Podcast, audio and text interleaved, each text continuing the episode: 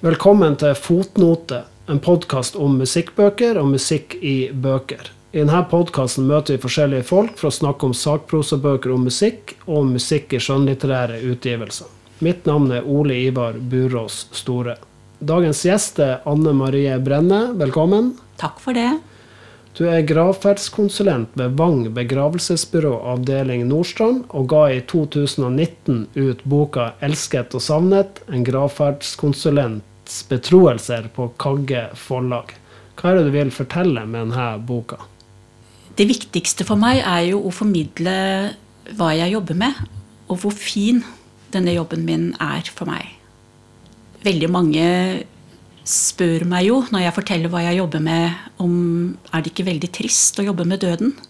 Og da slår det meg hver gang at du verden, så lite jeg jobber med døden, og så mye med livet. Ja, for du jobber ikke med den personen i kista, du jobber med de som er igjen? Det hender at jeg jobber med den direkte med kista også. Nå er ikke jeg så mye ute i feltet og jobber. Jeg er den som eh, møter familien aller først, og er med på å tilrettelegger alt de har behov for å gjøre for å gjennomføre gravferden fra A til Å. Det er en jobb du har hatt i snart 20 år? Over 20 år? Over 20 år, ja. Siden 1999. Hvorfor ville du bli gravferdskonsulent, og hvorfor har du blitt så lenge i jobben? Det har jeg spurt meg sjøl om mange ganger også. Eh, jeg hadde nok en eh, sånn drøm inni meg om å få lov å jobbe med det en gang i løpet av livet mitt. Det var noe med dette sårbare, fine ved mennesker som var i sorg. Og det å møte dem uten filter, uten all beskyttelsen, sånn som mennesker er når de er der. Eh, hadde opplevd i egen omgangskrets mennesker som døde, og fikk stå de nær da. Og kjente at her er det noe fint som jeg hadde lyst til å jobbe med. Hva gjorde du før? Da jobbet jeg som hjelpepleier på sykehus og på sykehjem. Men da var det jo også veldig fysisk arbeid med tunge løft, og jeg jobbet på pleieavdeling. Nå er det jo en jobb som ofte kan være mer, at jeg blir mer mentalt sliten. På hvilken måte? Jo, fordi nettopp det, sånn som disse møtene som jeg snakker om, hvor du skal være nær, du skal se hver enkelt, hente ut hvor de er, og hvor de trenger å bli møtt. Og ikke minst så er det jo mye arbeid i ettertid ved tilrettelegging, nøyaktige kontrollrutiner, følge dem opp. De minste detaljer skal bli tatt på alvor. Det er klart at det, det kan bli slitsomt på en annen måte. Men er det sånn at du lager en, en sånn skille mellom jobben og det private? Er det, er det viktig i en sånn her type jobb?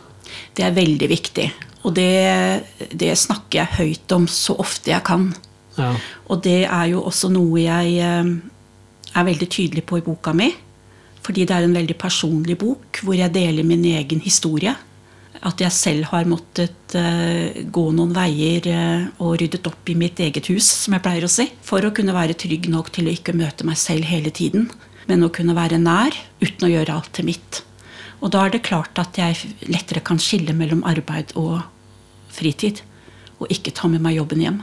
Men hvordan gjør du det? Hva er liksom knepet? Det er ikke sånn veldig bevisst knep, tror jeg. Det er mer det at jeg kjenner at jeg, eh, jeg, er trygg nok. Jeg er blitt trygg nok til å kunne klare å legge ting fra meg uten å gå og tenke veldig på det etterpå. Selvfølgelig er det noen ting som du ikke helt klarer å legge bort. Spesielle opplevelser, spesielle krevende ting. Men jeg hadde aldri vært her i 20 år hvis det ikke hadde vært for at jeg klarte å skille mellom det. Du må jo tydeligvis ha trivdes i, i jobben òg, siden du har vært der så lenge. Ja, det kjenner jeg.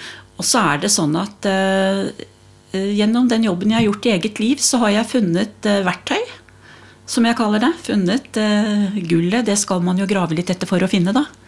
Og jeg kjenner at det er jo det jeg føler jeg får gitt fra meg, og som virker i møte med pårørende. Møter som kan være krevende i starten, og så er det bare kjempefint når vi er ferdig. Og trygt. Men hva med den balansen mellom kan si det profesjonelle og mer emosjonelle. Det må ikke bli for involvert i, i Nei. Det er kjempeviktig å skille mellom det profesjonelle og emosjonelle. At jeg kan være nær med følelsene mine, men samtidig så skal jeg ha et ryddig forhold, hjelpe dem profesjonelt, være guide for dem gjennom den reisen de skal ut på. det å involvere følelser når du helst bør unngå, eller er det viktig også? Det er viktig å ha følelsene med seg og være nær med følelsene sine. Men for meg så blir det ikke riktig å sitte og gråte med de. Og det har jeg vel, tror jeg, heller aldri gjort. Jeg har nok gjort det etterpå, men ikke alltid i møtene. At jeg har vært rørt, at de har sett at jeg har vært rørt, det har skjedd. Men eh, jeg har ikke gått over den grensen at jeg gråter med de. Kan du tillate deg å ha en sånn dårlig dag og være litt sånn gretten på jobb, eller? Helst ikke når jeg møter eh, pårørende, så bør jeg ikke være egentlig gretten. Jeg har hatt dager som har vært ordentlig dårlige, ja. og da har jeg vel heller i utgangspunktet forsøkt å få en kollega til å ta den samtalen istedenfor meg, ja. og beskytte meg selv litt. Mm. Og det deler jeg jo også litt i boka mi om at spesielt denne årstiden her, med høsten, er en uh, årstid hvor jeg kjenner at det uh, lugger litt grann, inni meg.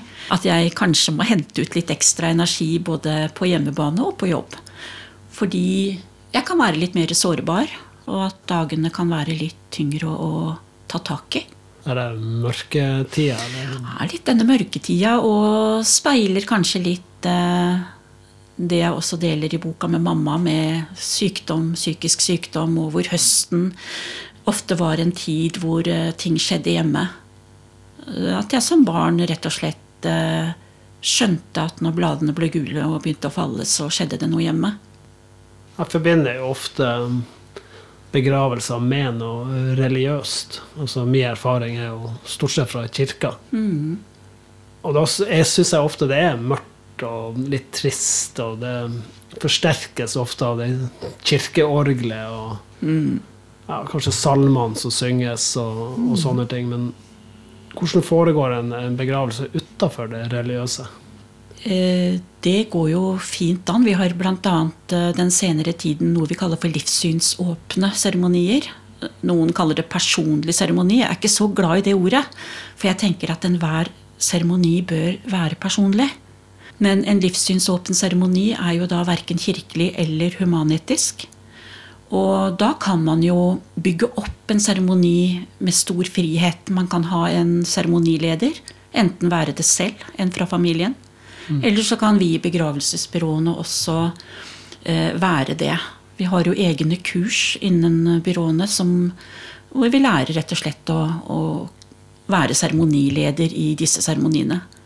Jeg har faktisk sjøl gått et sånt kurs og vært det noen ganger. Ja, for da, da, trenger du ikke å nevne noen ting fra Bibelen eller salmene. Av jord er det mm. kommet, av jord skal det bli. Mm. Så kan alt det da skrelle vekk. Eh, ja, det kan det. Men i en livssynsåpen seremoni så kan du faktisk også ta noe av det med. Eh, en sånn som jeg hadde en gang, der var det en gammel mann som hadde mistet kona si. Og han ville, ville ha med Fader vår, for det hadde de alltid bedt sammen, eh, han og henne, på kvelden. Men ellers så var den bygd opp med alt annen type musikk. Men da ba jeg Fader vår, fordi det ønsket han. I en humanetisk seremoni så ville jo ikke det vært naturlig. Så en livssynsåpen seremoni kan du bygge opp med forskjellige elementer ut ifra å blande det, da, rett og slett. De fleste som kommer hit, er vel, regner jeg med, deprimert. Men er det noen som kommer og er lett da, eller er det, sånn, ja. er det forbudte følelser? Eller? Ikke sant? Det er et veldig interessant spørsmål. Ja. Fordi at eh, det er jo noen som egentlig er veldig lettet over at vedkommende endelig var død. Og da unnskylder de gjerne litt, eh, og det er fint å kunne hjelpe dem til å hente frem den følelsen og akseptere den. Det handler jo om folk som har vært lenge syke, hatt det vondt, og de har sittet der lenge ved et dødsleie, og så slipper det. Og da kjenner du på lettelse, og så er det litt vanskelig å ta det frem.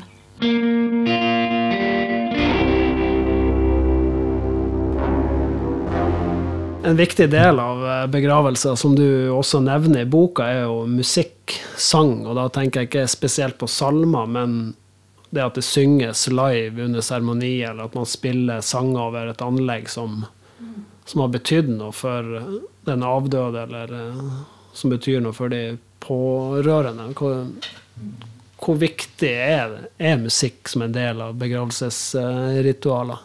Altså Personlig så mener jeg jo det er veldig viktig. Selv om jeg opplever at eh, de jeg sitter med, og pårørende ikke alltid har den samme oppfatningen av det. Det er klart at noen familier har et veldig sterkt forhold til sang og musikk. Både de som sitter da hos meg, og, og den som er død. Og jeg er veldig opptatt av at er, seremonien er for de pårørende. Og om de nedtoner litt dette med at far, mor var ikke så opptatt av sang og musikk, så spør jeg alltid men hva med dere? Og spør kanskje litt om var far glad i fjellet? Var han glad i sjøen? Så kan vi jo da finne frem til ting som bygger under det. Og jeg tror samtidig at sang og musikk er viktig for oss at man skal få kontakt med følelsene sine. At det kan hente frem noe som ikke bare ord og andre ting henter frem. Hvorfor tror du at det er viktig for pårørende å ha musikk? De som velger å ha det, som ofte har kanskje en ønskelåt eller noe, ja. noe sånt en slags markering, et eh, minne, eller Ja, og så er det jo også dette med å, at en seremoni skal inneholde noe mer enn bare at noen snakker. At du sitter der. Det er noe med den vekselgangen som blir i en seremoni, når det knyttes sammen også med musikk og sang. Og så selvfølgelig, det kan jo hende at det handler om at jeg sjøl er så veldig glad i sang og musikk. Ja, du er det? Hva slags sang og musikk er du glad i? Er glad i alt mulig, nesten. jeg. Ja. Du synger litt sjøl òg, det nevner du jo ja, i boka. Ja, jeg synger litt selv. Eh, jeg er jo vokst opp da, med salmer og med sang fra gotisk salmebok da jeg var lita, for jeg vokste opp i en sånn frimenighet. Jeg var veldig glad i folketoner eh, med svinger og krøller på. Syns det er nydelig. Jeg, synes, eh, jeg er faktisk også glad i litt dette kananspråket som folk er så redd for. Disse ordene som man ikke forstår lenger, liksom. Men jeg syns det er så fine ord i de. Melodiene og 'Akk, mon min vei'. Altså Akk, om bare min vei kunne bli, ville man jo sagt nå, men akk, mon min vei til Kanaan. Altså, du har jo disse salmene som folk sang uten instrumenter i gamle dager. Og jeg har alltid sunget for barna mine. Det er jo veldig mange foreldre som le, har lest veldig mye for barna, sånn ved sengekanten opp igjennom. Jeg har nok sunget mye mer for dem. Og de snakker enda om at da jeg satt ved sengekanten, og så tok jeg gitaren, og så tente vi gjerne et lys, og så lagde jeg sang om det de hadde opplevd om dagen. Og så trodde jeg de sov, ikke sant, og prøvde å liste meg ut. Og så kunne de kanskje si Men mamma, du glemte jo det! det er flere vers igjen. ja. Hvordan var det i oppveksten din med, med musikk? Det var ikke mye instrumenter, egentlig. Men uh, det var veldig rart da jeg tenker tilbake at da jeg var 13-14 år, så kjøpte pappa en gitar til meg. Og det har jeg aldri skjønt egentlig hvorfor han gjorde. Han må jo ha forstått at det var et eller annet hos meg som gjorde at eh, det ble fint. Så da begynte jeg på gitarkurs og lærte meg å spille litt sånn Erta for å være Åse Kleveland. Det var bare gutter som spilte Beatles, og jeg var litt okay. sånn med fingerspill og visesang og sånn. Så jeg har alltid vært veldig glad i viser med Leonard Cohen, John Bates, og sunget om mye av disse We Shall Overcome. Vært veldig glad i. Var vel kanskje litt sånn litt grann hippie en gang i verden. Prøvde ja. å være. So Long Marian er vel en låt som ja. Eh, blir mye brukt i begravelse. So Marian, ja. Hvilken type sanger er det du har eh, inntrykk av at folk velger i, i begravelsen? Alt mulig. Alt mulig. Ja. Og eh, veldig ofte noe som de forbinder da med den som er død. Som er veldig fint å legge inn som et innslag i minnedelen, som jeg kaller det. Når eh, livshistorien og gode minner om den som er død, blir hentet frem. Er det veldig eh, gjennomtenkt som regel? For det er jo, her er jo noen fallgruver hvis man ikke kjenner helt til mm. tekstinnholdet. Og... Ja, noe er veldig bestemt på forhånd, og det er ikke snakk om liksom, den skal de ha. Mm. Jeg foreslår jo ofte at eh, jeg kan skaffe en sanger sånn at det kan bli livesang. Vi har jo veldig mye gode solister og musikere som kan bidra. Eh, mens noen ønsker akkurat den innspillingen, da. Akkurat den når Erik Bye synger blå salme eller vandringsvise. Ikke sant? Mm. Og da er den fint å, å spille av inni minnedelen, som jeg kaller det. Altså etter minneordet.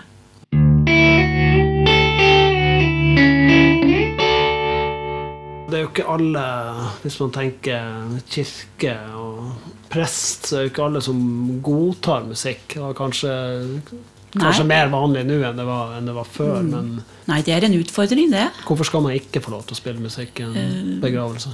Nei, jeg har ikke så veldig godt svar til det, egentlig. Det er i hvert fall, som du sier, forskjellige meninger om det. At de foretrekker da live. At ting skal skje live.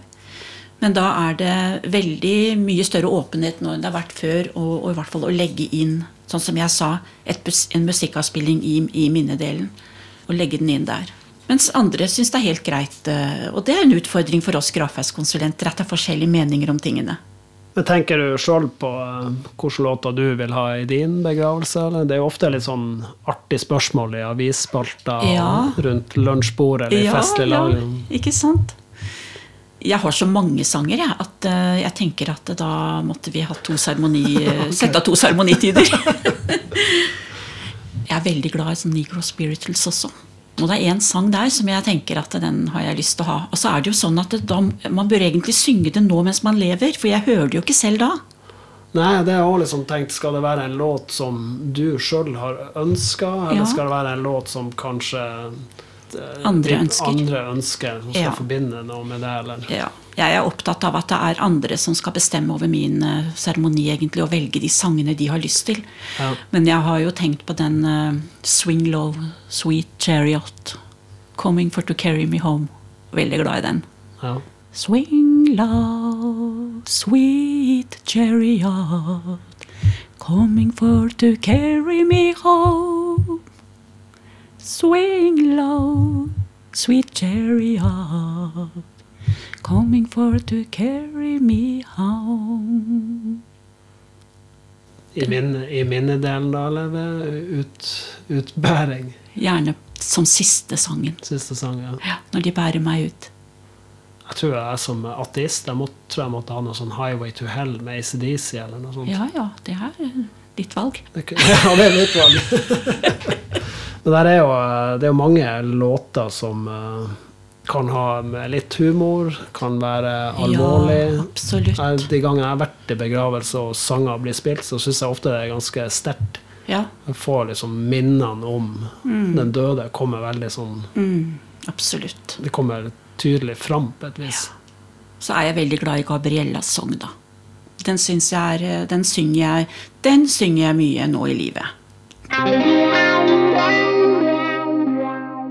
Men en annen ting jeg tenker på med musikk, er jo for Du møter jo mye folk som er i en sorgprosess, ofte kanskje i starten av en sorgprosess. Mm.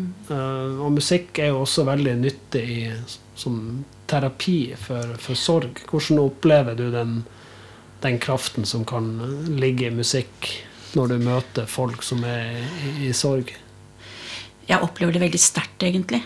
Og noen av dem er jo De ønsker sang og musikk, men de har ingen tanker og ideer om noe de kan velge. Og jeg sender jo ofte med de eh, Vi har jo forslagshefter til sang og musikk og sier at sett dere gjerne hjemme, bruk helgen nå. Jeg bør ikke ha svarene nå. Sett dere og lytt til musikk. Eh, og som sagt så synger jeg jo litt for det, og har opplevd at folk sier at Takke for det. da. At jeg presenterer litt sanger og sånt med å synge det selv. Og det er veldig kraft og veldig mye flott i sang og musikk å se hva som skjer med menneskene når det, det forløser, som jeg sa. Jeg kan se at de kan begynne å gråte rett og slett inn på kontoret mitt fordi det, det rører ved følelsene mye mer enn ord. Men merker du noe uh, forskjell mellom generasjonene i hvordan de sørger? Altså er, det, er det forskjell i måten din generasjon og min generasjon møter sorgen på? Det har jeg ikke tenkt så mye på. Nei. Jeg tenker om det kanskje de, kanskje de som er yngre enn meg igjen, da. Mm. Altså generasjonen under meg. Mm. Det er kanskje ikke så ofte, men om, om det er noe forskjell i, i I hvert fall mitt inntrykk er at døden før husker når den kom inn i familien min før, med mm. oldemor og besteforeldre, mm. sånn, så var det litt sånn Man snakka ikke så mye om det. Nei. Man bare skjøv det litt bort. Og, ja. Mens i senere årene så har man liksom vært litt mer åpen om det. Og ja. du er på en måte offentlig gjennom sosiale medier. Ja. Du kan på en måte Absolutt. På den ene sida kan du dvele veldig mye med sorgen og nesten gjøre det til en personlighet. Mm. Mens på den andre sida så har du kanskje ikke tid til å sørge for at ting går så fort. Du må, du må videre. Ja. Nei, det er interessant. Det er det. Og, men jeg, jeg, har jo inntrykk av at de fleste verner om akkurat dette. dette her har vi tid. Vi opplever jo liksom at noen gjerne vil komme i samtale etter jobb, for de har ikke mulighet til å gå fra jobb. liksom. Ja, nettopp. Ja, Og at de har ikke tid før etter klokka fem. Men ikke ofte. Jeg har inntrykk av at folk de rydder plass til å kunne være i den eh, planleggingen og, og bruke tid til det. Og ha respekt for at det er eh, noe spesielt, som, og at arbeidsplasser også er rause på det. Og gir folk fri det du sier om at det er mer åpenhet og sånn i media, og vi har jo disse minnesidene som blir opprettet uh, ja. i forbindelse med dødsfall, hvor folk kan gå inn og skrive hilsener, og du har Facebook Folk er, folk er mer åpne mm. til å, å, bidra der, både med informasjon og tilbakemeldinger. Samtidig så kan det fort bli Det er to grøfter langs en vei, tenker jeg. Ja. Og at det lett kan bli en lettvint løsning å vise medfølelse på ved å sette et hjerte på Facebook. Ja, Kondolere. Ikke sant? Mm. Istedenfor å kanskje ta den telefonen eller møte folk og gi en klem, si at 'jeg tenker på deg'. At det også tar bort noe av det nære. Mm. Men absolutt, det er også noe fint ved det. Det er ofte veldig vanskelig å vite hva man skal si når, til ja. folk i sorg. Ja. Det opplevde i hvert fall jeg når eh, fetteren min eh, døde da han var 31. at det var veldig mange som ble usikre når de mm. møtte meg. For at hva skal jeg si? Skal jeg mm. snakke om det? Og hva skal jeg i så fall eh, ja, ja. Hvordan skal jeg tilnærme meg det? Ja, Det er veldig interessant, og det er jo noe vi alle kjenner på. Jeg tenker Det verste er å ikke si noe i det hele tatt og bli liksom helt fremmed. Det er det. Absolutt. Og, og det er jo Man kan jo faktisk si akkurat dette her. Gå bort og si 'jeg vet ikke hva jeg skal si'. Et lite klapp på skuldra et blikk. Eller liksom, Det er jo ikke alle som ville bli glad bare for å, at noen kommer og gir en klem heller. Men man kunne si 'kan jeg få lov å gi deg en klem'? Kondolerer er jo et ord også som vi, vi møter, og som uh, vi syns er litt rart ord. Ja, det er veldig rart. Samtidig, samtidig er det deilig å ha det der òg. Det, ja, det er akkurat sånn jeg har tenkt også. Mm. At det er et rart ord, og samtidig så er det litt godt å ha det ordet. Mm. For det, det, betyr jo rett og slett at jeg, jeg, føler med deg, jeg tenker på deg.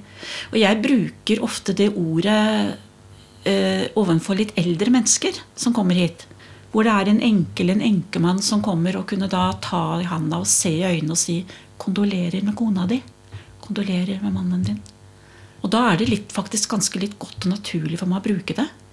Men ikke fullt så naturlig hvis det er unge mennesker. Jeg vet ikke egentlig hvorfor, men Nei, for eh, Hva sier man da til unge mennesker som en erstatning for kondolerer? Liksom? Nei, møter du en kamerat som har opplevd dette, så går det an å si rett og slett dunke litt i skuldra og si 'jeg tenker på deg'. For det er, jo ikke, det, her, det er jo ikke settinger vi er vant med å være Så det er jo ikke det. rart at man ikke vet hva man skal si. Nei. Og det er jo det som er. altså Er det noen som skal feire noe eller ha bursdag, det å si gratulerer, det å le når ting er fint Men det der å skulle gråte når, eh, Det er det jo også veldig mange som unnskylder seg for. Ja. Når de begynner å gråte, så unnskylder de seg. Og så sier jeg syns jo det er så fint. Tenk så heldig, da at det er en som er død, og så sitter det noen som har vært glad i vedkommende, som gråter. Det fins jo ikke noe finere enn det. Og det samme er også når de, de, har så lyst til å si noe i minnetalen, de har så lyst til å si noe i seremonien. Men jeg vet ikke om jeg klarer. Og hvis jeg spør da hva kan skje, så sier de eh, kan du begynne å gråte. Ja vel. Så fint.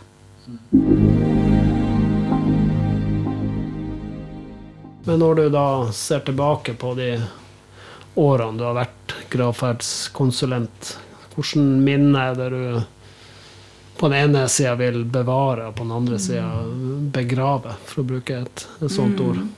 Altså hva er det du aldri vil glemme, men mm. hva er det du helst vil glemme? Mm. Jeg har ikke så mye som jeg vil glemme. Jeg har egentlig lyst til å ta med meg alt sammen. Fordi jeg vet at uh, noen av de tingene som har vært vanskelig, kanskje vanskelige møter og sånt, det, det, er ikke noe som jeg tar med meg som noe jeg bør glemme. De har også vært med på å bekrefte at det er her jeg skulle jobbe, og at jeg har gjort en god jobb. Så jeg har lyst til å ta med meg alt. De gode kollegaene mine. Eh, alle de fantastiske familiene, og noen ganger mindre fantastiske.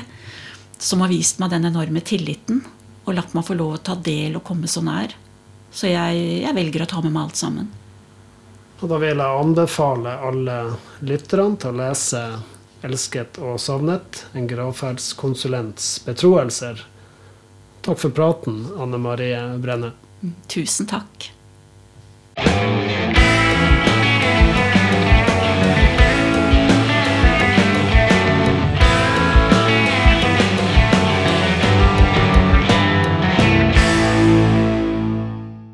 Fotnote presenteres av musikknyheter.no og er laga av Ole Ivar Burås Store. Jingles av Jan Roger Trønnes. Intro og redigering av Raymond Jensen. Les mer om fotnote, gjestene, bøkene og artistene på musikknyheter.no.